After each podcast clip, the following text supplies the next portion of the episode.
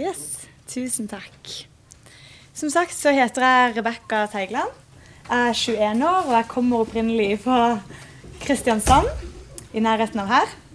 Eh, For to år siden så studerte jeg på bibelskolen i Grimstad her. Og i fjor så har jeg jobba i eh, laget, Norges kristelige student- og skoleungdomslag. Så det har jeg trives veldig godt med. Eh, Denne uka her så har jeg fått være med på å arrangere noe som heter Skepsisuka på Universitetet i Oslo. Eh, Og det har vært en uke hvor eh, vi sammen har eh, tatt opp store spørsmål, mange av de samme spørsmålene som vi tar opp på denne konferansen her. Og jeg har egentlig blitt veldig overraska over å se hvor interesserte folk som ikke er kristne, faktisk er i å snakke om tro. Så jeg brenner veldig for en sånn type konferanse som dette er, hvor eh, vi forhåpentligvis sammen kan bli mer rusta til å møte de spørsmålene som folk faktisk har da, mot eh, kristen tro. Tusen takk. Yes. Så er det en skam som jeg har eh, fått eh, æren av å dele litt tanker rundt. Det er et tema som jeg egentlig har vært veldig opptatt av, de, særlig de siste årene. Og det er mye fordi at jeg har kjempa en del med den problematikken i mitt eget liv. Men også fordi at jeg har fått se hvor mye skam preger menneskene rundt meg. Og det er ofte ubevisst, er noe jeg har fått erfare. Så helt innledningsvis så vil jeg bare vise en disposisjon for hva jeg tenker at vi skal snakke sammen om eh, i løpet av dette seminaret. Først vil jeg se litt på hvorfor vi, det, hvorfor vi i det hele tatt skal snakke om skam. Og hvorfor skal vi snakke om det på en eh, konferanse som dette. Så vil jeg se at vi skal se litt på hva skam er. Hva rommer det begrepet? Så skal vi se litt på hva forskjellen på skam og skyld er. Så på hvor skammen kommer ifra. Eh, videre på Oi! Velkommen. så kos. Ja. Videre så skal vi se litt på hva Bibelen forteller oss om eh, det at mennesket er skyldig. Og så på hvordan Jesus møter vår skam. Og videre på hva som eh, jeg tenker da er skammens motmiddel, nemlig kjærlighet. Så Hvorfor i alle dager skal vi ta opp et sånt tema på en tros- og sakkonferanse, tenker du kanskje?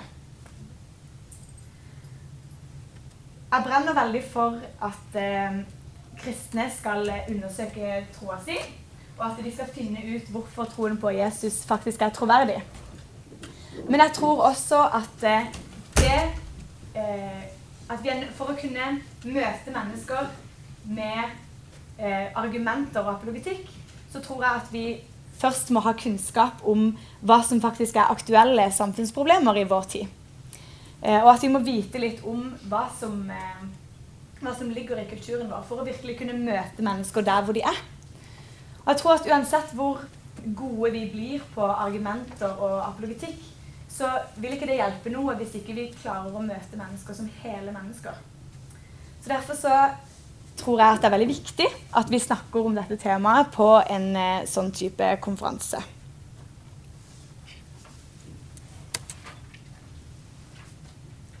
Yes. Ok. Men hva handler egentlig skam om? Når jeg skal tilnærme meg dette begrepet, her, så kjenner jeg at jeg fort synes at det er veldig abstrakt. Og syns det kan være litt vanskelig å sette fingeren på hva det begrepet egentlig rommer. Og det er noe som jeg har fått bekrefta i samtaler med folk også, at eh, flere kjenner på. Eh, Det er, vanskelig å beskrive hva som egentlig ligger i skam, fordi det er så, det er så abstrakt, det er så svevende. Og dette tror jeg gjør at temaet blir vanskeligere å snakke om. Det oppleves veldig sterkt for de som kjenner på det. Men allikevel er det vanskelig å sette fingeren på hva det innebærer. Jeg tror ikke at det finnes noe fasit på hva skam er. Og det er heller ikke noe jeg vil forsøke å komme fram til i løpet av dette seminaret her. Men jeg tror at eh, vi sammen som et fellesskap kan eh, undersøke det fenomenet litt dypere. Og at vi kan eh, finne litt mer ut om hva det rommer, eh, hvordan det oppleves, og også hva det er som kan sette fri ifra det. Så nå har jeg litt lyst til å høre deres tanker. Så hvis dere bare kan snu dere til sidemannen og snakke sammen to og to om hva dere tenker at skam er. Hva slags assosiasjoner får dere når dere hører det ordet? OK. Da kan, eh, er det noen som vil dele hva de snakker om? Beklager at det ble litt kort, men vi skal snakke litt mer eh, eh etterpå. Noen som vil dele hva de snakker om? Ja. Nei, jeg mente at det skal være ekstremt gjennomtrengende i ungdomskulturen i dag. Mm. Og at eh, jeg tror veldig mange Det nesten er egentlig en normaltilstand for veldig mange unge. Mm. Uh, men så går man ofte rundt hjemme på det, da, og så blir det en sånn Og jeg fikser ikke verden, så lider vi i ensomhet. da. Det er egentlig noe som de aller, aller fleste kjenner på. Mm. Mm. Veldig bra. Takk. Noen flere tanker? Ja, her. Eh, det er sånn, det, sånn her, kan være vanskelig å eh, skille mellom hva er synd og hva er skam. Mm. Men måte, jeg tenker synd er noe du har gjort. Og skam, det er måte, da er du synda. Ja. At det Mm. er, er liksom det som er problemet. Det er, liksom, ja.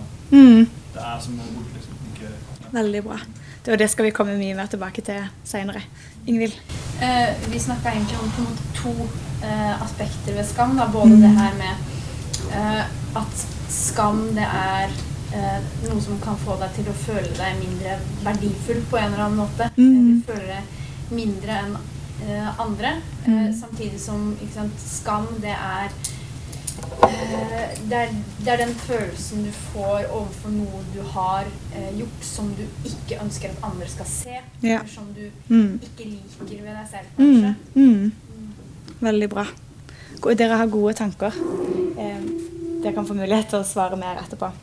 Eh, når jeg har søkt eh, litt rundt på nettet for å prøve å finne en definisjon og lese litt i bøker om det og sånn, så eh, er det som går igjen, at eh, skam det er den følelsen du får, noe som flere av dere var inne på, når man har eh, eh, avslørt en nedverdigende side av seg sjøl og dermed har vist til mennesker rundt eller til, til Gud at man er eh, mislykka på et område. Eh, og ved skam så kan vi kjenne på flere forskjellige vonde følelser. Og disse følelsene kan være sorg eller sinne eller andre vonde følelser, som til sammen blir det som vi kaller for eh, skamfølelse. Og jeg vil egentlig si at eh, skammen det er å finne i spennet mellom ønske for å bli sett, ønske om å bli sett, og frykten for å bli sett. Eh, Så kan ikke dere snakke litt sammen? Hva tror dere at jeg mener med den setningen? At skammen er å finne i spennet mellom ønsket om å bli sett og frykten for å bli sett. Kan snakke sammen to og to igjen. Yes. Har dere fått snakka litt? Mm. Er det noen som vil dele bare litt kort hva som ble sagt? Ingen som vil dele noe? Victoria? Eh, vi snakket om at eh, det å ønske å bli sett, det er på en måte sånn der higen etter oppmerksomhet. Hvis man først får oppmerksomheten, eh, så kan man bli avslørt. Ja. Mm. Veldig bra. Eh, Litt kort kan du bare gjenta til sånn for opptaket. Så det blir sagt inn i mikrofonen også. Gjenta setningen. Ja, bare litt oppsummering. Gjenta det som hun sa. Til opptaket. etterpå. Mikrofonen der skal ta opp eh, Ja, men skal jeg gjenta det som hun sa? Ja, bare litt oppsummering. Ja. Sånn Mm. Ok, ja, At eh, eh, vi ønsker å bli sett, men vi er også redde for at hvis vi viser en del av oss, så vil vi kunne bli avvist. Var det sånn du mente? Mm. Og det er det jeg også tenker at det, mennesker vi, vi er skapt for fellesskap, og vi, vi har dype lengsler etter å bli sett og etter å bli elska. Men eh, det er visse deler av oss som eh, er sårbare, og som vi kan være redde for å vise til andre i frykt for at hvis eh, vi viser hele sannheten om oss, så vil vi kunne bli avvist. For det er den, en risiko da, vi må ta med å med å vise hele oss til andre mennesker. Så kommer vi litt inn på det som du snakka om, forskjellen på skyld og skam.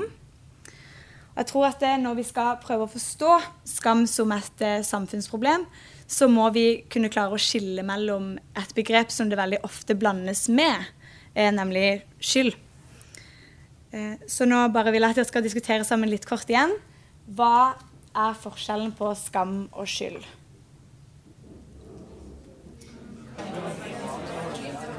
OK. Er det noen som bare vil dele kort hva de snakker om?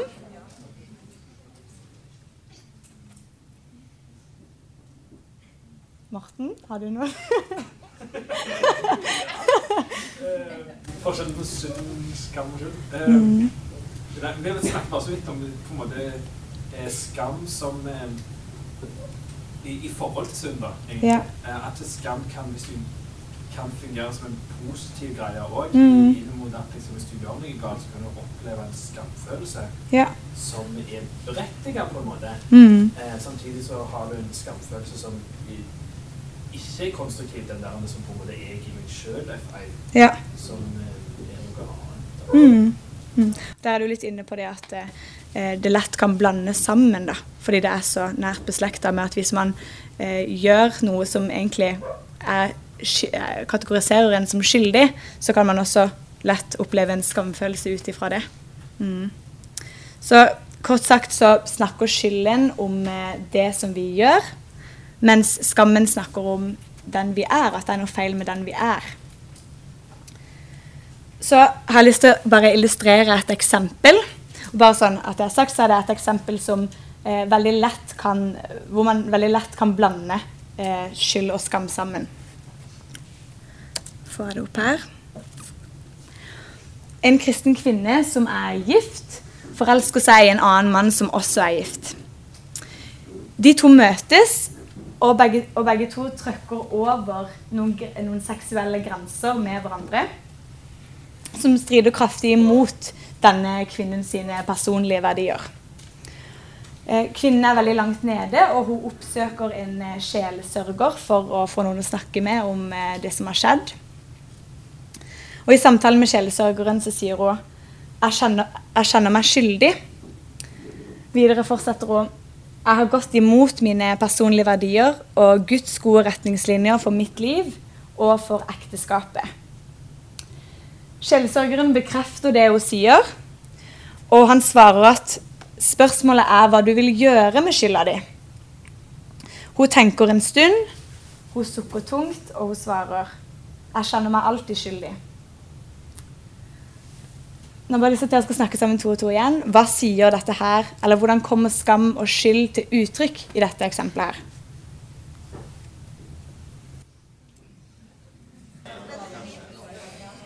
Ok. Er det noen som vil dele hva de snakker om?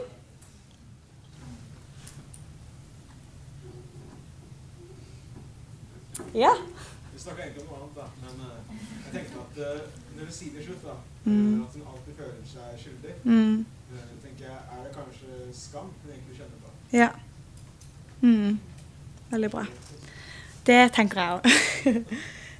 når denne dama her først, helt i begynnelsen av eksempelet, så eh, kategoriserer hun sine handlinger som eh, noe som har gjort henne skyldig. Og det, det jeg det beskriver hva skyld er. Det er å ha gjort noe som eh, du ikke skulle ha gjort, ut ifra personlige verdier eller normer eller regler. Og dette her tenker jeg at det er en viktig erkjennelse. fordi det, det hjelper oss til å ta ansvar når vi har gjort noe galt, og eh, innrømme når vi gjør ting som er feil. Og denne her evnen til å kjenne på skyld, som hun snakker om i begynnelsen av eksempelet, det tenker jeg at det er eh, et indre kompass som Gud har lagt ned i oss, sånn at vi skal kunne klare å skille mellom hva som er rett og hva som er galt. Men når eh, kvinnen på slutten av eksempelet sier at hun alltid kjenner seg skyldig, så tenker jeg at det uttrykker et veldig sentralt eh, perspektiv på hva skam faktisk er. skylden hos sin er ikke bare knytta til eh, den enkelte skyldige, syndige handlinga hos sin, men den blir knytta til hele hos en person. Hun opplever eh, noe som kalles for eksistensiell skyld, i stedet for å kun forbeholde skylden hos sin til den gale handlinga hun har gjort. Men som sagt, i dette eksempelet så er det veldig lett å blande det sammen, fordi at hun veldig tydelig har gjort noe som er å overskride noen grenser. Men Men jeg tror at eh, i, de, i kulturen vår og i de eksemplene med skam som vi ofte møter, så er det mer lett å skille mellom skyld og skam hvis vi bare er litt mer bevisste på hva ulikhetene faktisk er. For skyldfølelsen det er som sagt noe som oppstår innenifra. Og det hjelper oss til å ta ansvar for feiltrinnene våre. Mens skammen den er noe som ofte blir påført oss utenifra. Og dette er noe som kan skje f.eks. ved tydelige krenkelser som vold eller overgrep, hvor eh, gjerningspersonen veldig konkret og tydelig påfører offeret en ufortjent skam. Mens i de fleste tilfeller så er det, om, så er det ofte snakk om hvordan vi blir møtt av samfunnet rundt oss, av menneskene rundt oss. Vi kan ha f.eks. blitt eh, utestengt. Vi kan ha, eh, vi kan ha opplevd å ikke ha blitt sett og hørt sånn som vi har trengt av menneskene rundt oss. Eller vi kan oppleve å ikke nå opp til de forventningene som er satt til oss av samfunnet eller av familien eller av vennegjengen. Og det som jeg tenker at er felles for disse vonde ytre forholdene, det er at de kan gi oss en opplevelse av at vi ikke er gode nok, og at vi derfor må skjule de delene av oss som avslører at vi, den, at vi opplever at vi ikke er gode nok. Hvis dere henger med. Så for å gjøre dette litt mer anvendelig, så eh, vil jeg ta for meg noen oppdikta eksempler som jeg har kommet på. Bare for at det skal bli litt mer konkret. OK. Anna har lenge hatt et anstrengt forhold til sin egen kropp. Hun føler at det, hun er mye større enn det som er normalen i det samfunnet som hun lever i. Og dette her er bare noe som blir mer forsterka av eh, treningskontoer som hun følger på Instagram, av eh, alle de eh, veltrente jentene som hun går i klasse med, og av eh, andre arenaer hvor hun føler at hun, at hun må sammenligne seg med andre sånn kroppslig sett. Da. Og dette her har gjort at hun bruker store klær for å prøve å skjule kroppen sin for andre.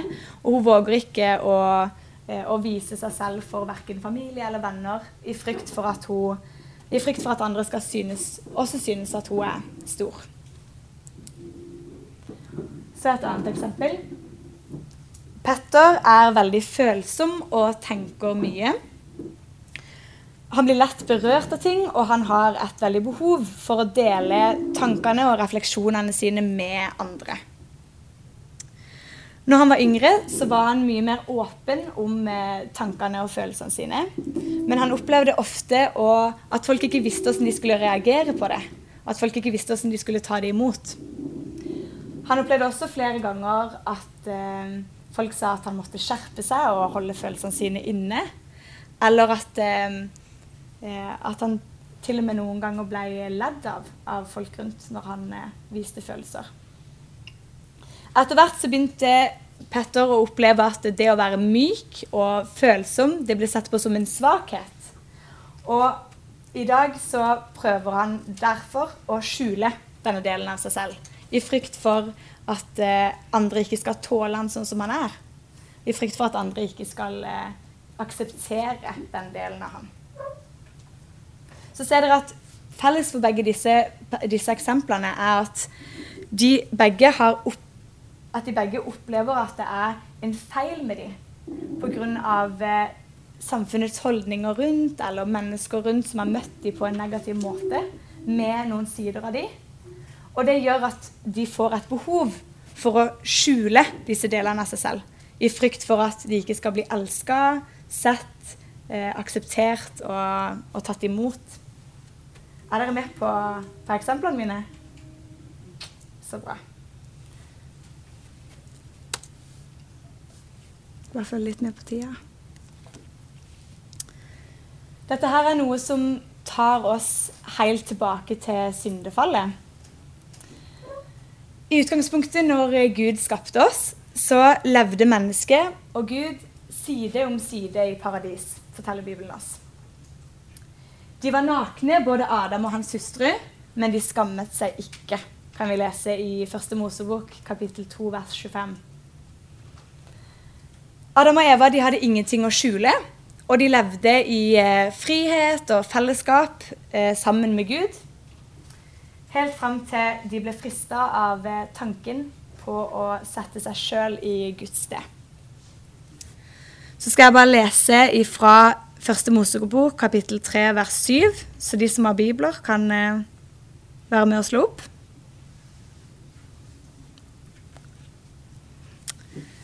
Der står det. Da ble øynene deres åpnet, og de skjønte at de var nakne. De flettet sammen fikenblader og bandt dem om livet. Da hørte de lyden av Herren Gud som vandret omkring i hagen i den svale kveldsbrisen. Og mannen og kvinnen gjemte seg for Herren Gud blant trærne i hagen. Men Herren ropte på mannen og sa, 'Hvor er du?' Han svarte, 'Jeg hørte lyden av deg i hagen og ble redd fordi jeg er naken.' Og jeg gjemte meg. Da sa han, 'Hvem har fortalt deg at du er naken?'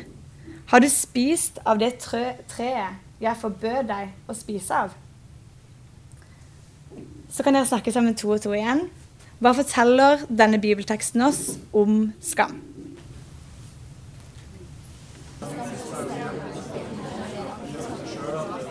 OK. Hva tenker dere?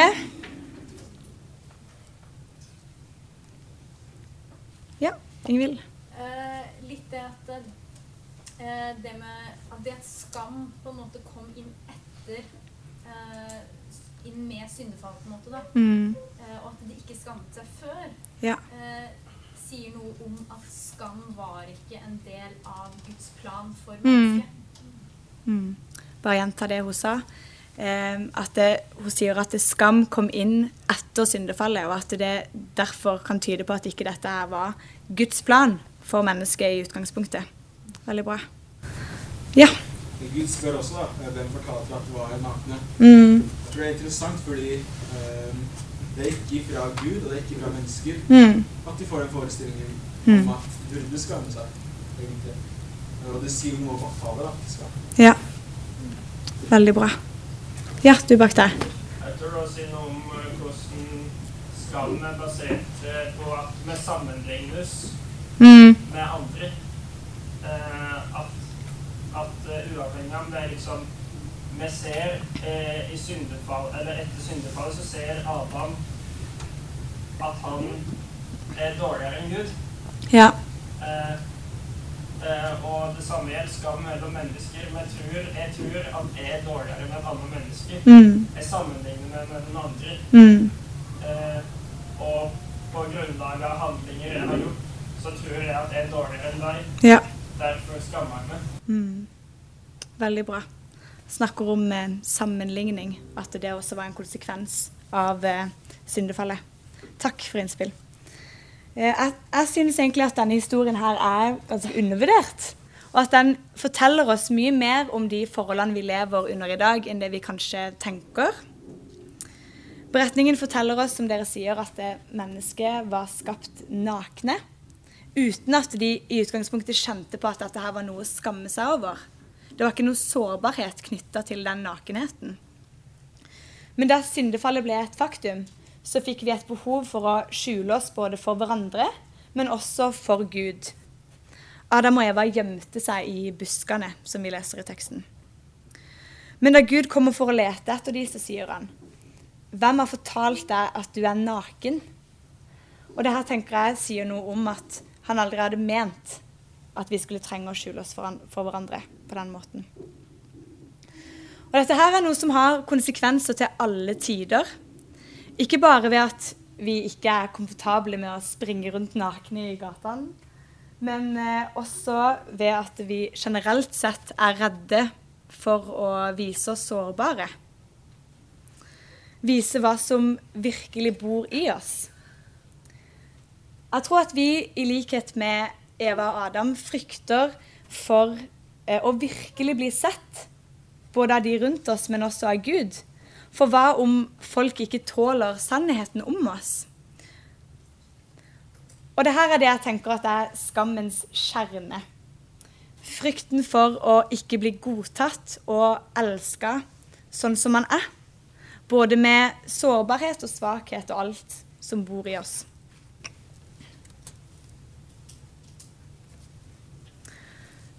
Som sagt så fikk eh, syndefallet konsekvenser for eh, mennesker til evig tid, og også fram til i dag. Eh, mennesket fikk en syndig arv og natur, og synden ble en del av identiteten vår. På grunn av det så er vi alle skyldige. Og i Johannes evangeliet kapittel 1 vers 8 så kan vi lese at sier vi at vi ikke har synd, så bedrar vi oss sjøl, og sannheten er ikke i oss.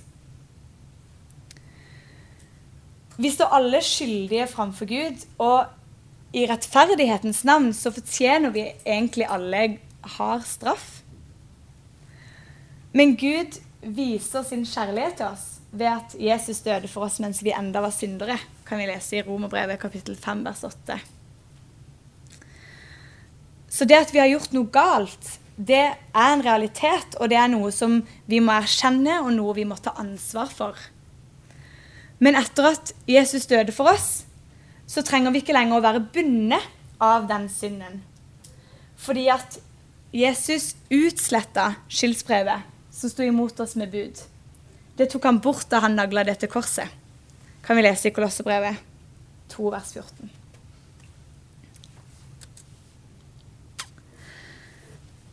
Det betyr faktisk at eh, vi er frie. Og vi trenger ikke å skjule oss for Gud. Og det kan vi bekrefte også i Johannes evangeliet kapittel 8. For da Sønnen har frigjort dere, da blir dere virkelig fri. Men hvordan ser denne her friheten ut i praksis? Jeg har lyst til å lese en fortelling for dere om eh, akkurat det her. Som jeg har funnet i eh, Magnus Malm sin bok, som heter 'De stumme bildene'. Veldig bra bok. Den anbefales for øvrig. Så da kan dere bare sette dere godt tilbake og lytte. Og prøve å høre litt etter om hvordan skam kommer til uttrykk i denne teksten her. Det begynte for drøyt tolv år siden, i forbindelse med menstruasjonen. Sorry. Jeg synes jeg blødde uvanlig lenge, og jeg ble naturligvis urolig. Først ga det seg litt, så jeg trodde det ville gå over av seg selv. Men så fortsatte det igjen, og til slutt gikk jeg til lege. Han spurte meg ut om samlivet vårt og lurte på om mannen min hadde skadet meg på noen måte. Merkelig tankegang i grunnen. Jeg fikk ingen tillit til han. Slik fortsatte det. Jeg gikk til ulike leger, og de prøvde seg med all verdens forklaringer og medisiner, men ingenting hjalp. En dag fikk jeg høre om en meget dyktig gresk lege med praksis et stykke nord for Aten. Alle sparepengene mine gikk med til den lange reisen. Slektningene mine bidro også med litt. Men han kunne ikke hjelpe meg, han heller. Man lærer jo etter hvert å leve med konstante blødninger. Det tapper deg for mye krefter. Du blir trøtt, men det rent fysiske går da på et vis. Det er verre med ensomheten. Det står jo i våre lover at en kvinne med blødninger skal betraktes som uren så lenge de pågår. Kan du forestille deg hva det betyr, skal betraktes som uren. Til å begynne med var det et offer for meg å holde meg unna.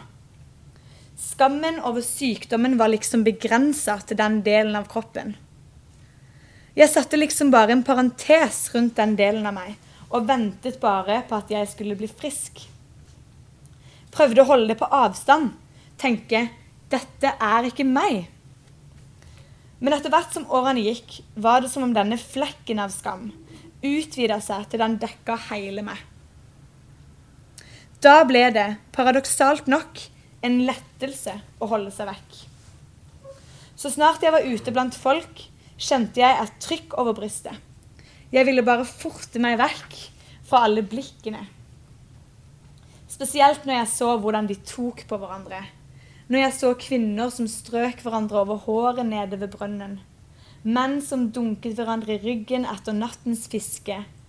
Barn som småslåss og rullet rundt i skyggen bak huset. Det skar som kniver i meg.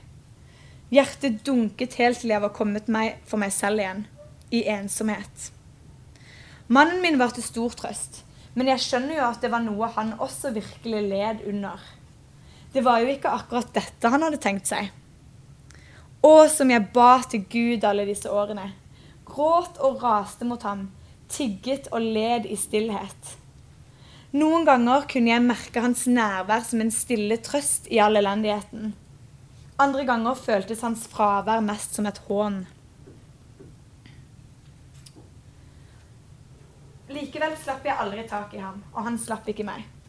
Jeg var ensom og hadde ingen andre å gå til.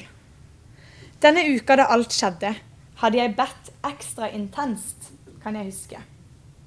Jeg hadde jo hørt snakk om Jesus fra Nasaret, og jeg ba til Gud om at jeg også måtte få sjansen til å treffe han. Mange hadde fortalt at han kunne gjøre folk friske. Men hvordan skulle det gå til? Han ville sikkert ikke røre ved meg engang. Jeg la en plan. Når han kom forbi på gaten, skulle jeg smyge meg innpå bak, bakfra og røre ved kappen hans.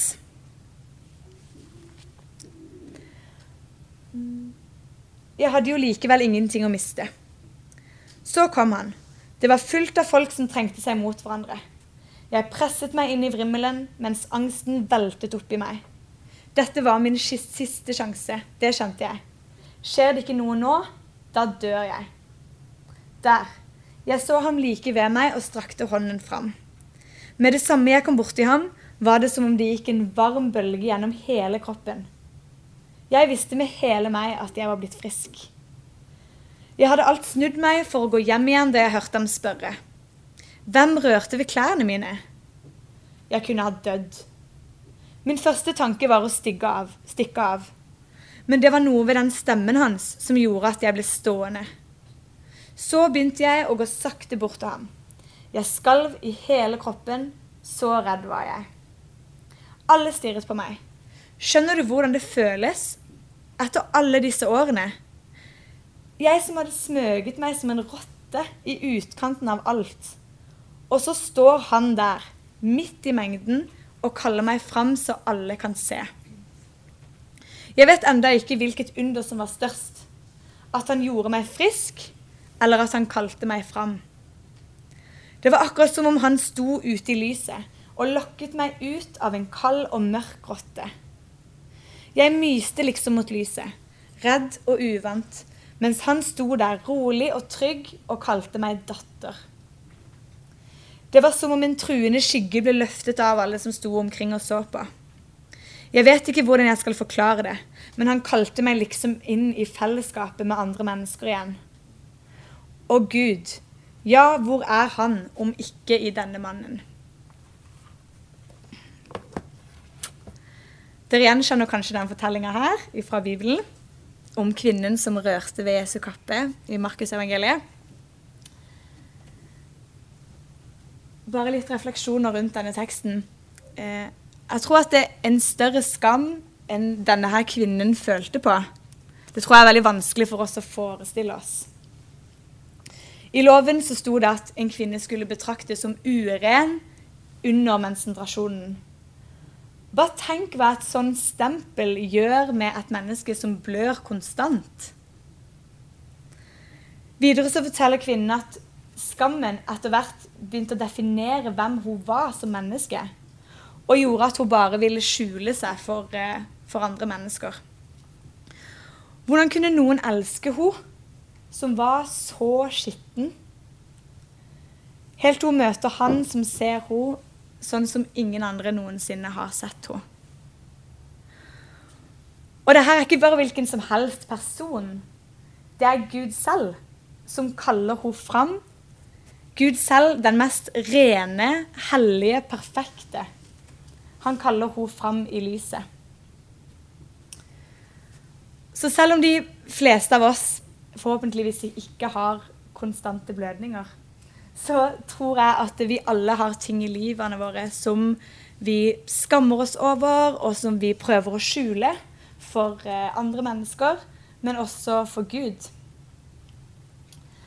Og felles for all skam, enten det er vi selv som erfarer det, eller vi kjenner andre mennesker som erfarer det, så tror jeg det er at det vi trenger, det er å bli møtt med en genuin, oppriktig og betingelsesløs kjærlighet. Og når vi får erfare, på samme måte som i denne fortellingen her, at Jesus sitt blikk ikke dømmer oss, men at det, det beskytter oss, så tror jeg at det, vi med frimodighet sakte, men sikkert kan la de fikenbladene som vi bruker for å beskytte oss selv med, og vår sårbarhet med, falle. Forsiktig så kan vi få lov til å sette foten utenfor den rammen som vi prøver å gjemme oss i og beskytte oss i. Og så kan vi prøve om grunnen bærer, og begynne vandringa sammen med han som sier 'følg meg', Jeg skal vise deg hvem du er, og hvem Gud er. Dette her, det er som, absolutt ikke noe som jeg tar lett på, og det er ikke noe jeg tror er en sånn quick fix i livene våre. For jeg tror at det tar tid å bli fri fra skam for forskjellige ting eller lenker som vi er bundet av. Det er ofte en prosess hvor Gud over tid kan bekrefte, bekrefte oss og forme vår identitet. Men jeg tror likevel at dette her budskapet og å møte Jesus sånn som han er, det er noe som gir et enormt håp i den skamfulle kulturen som vi lever i. Det at vi faktisk kan få lov til å være frie i Kristus, som har frigjort oss med sitt liv. Så nå har vi ca. fem minutter igjen. Så avslutningsvis så har jeg lyst til at eh, vi alle bare skal ta noen minutter alene sammen med Gud, hvor vi spør han hva er det jeg skjuler i mitt liv? Hva er det jeg skammer meg over i mitt liv, som jeg trenger at du berører med din kjærlighet? Så mens vi gjør det, så vil jeg vise eh, Vil jeg ta på en sang? Ok. Litt, går det an å skru ned lyden? Du kan gjøre det på dataen. Det bare gikk ikke Ja. OK. Der, ja. Mm. Så vil jeg bare skru på denne sangen her. Og da tror jeg at vi alle med frimodighet kan tenke at dette er en sang ifra Gud til oss. Det gjelder oss alle. Come out of hiding, you're safe here with me. There's no need to cover what I already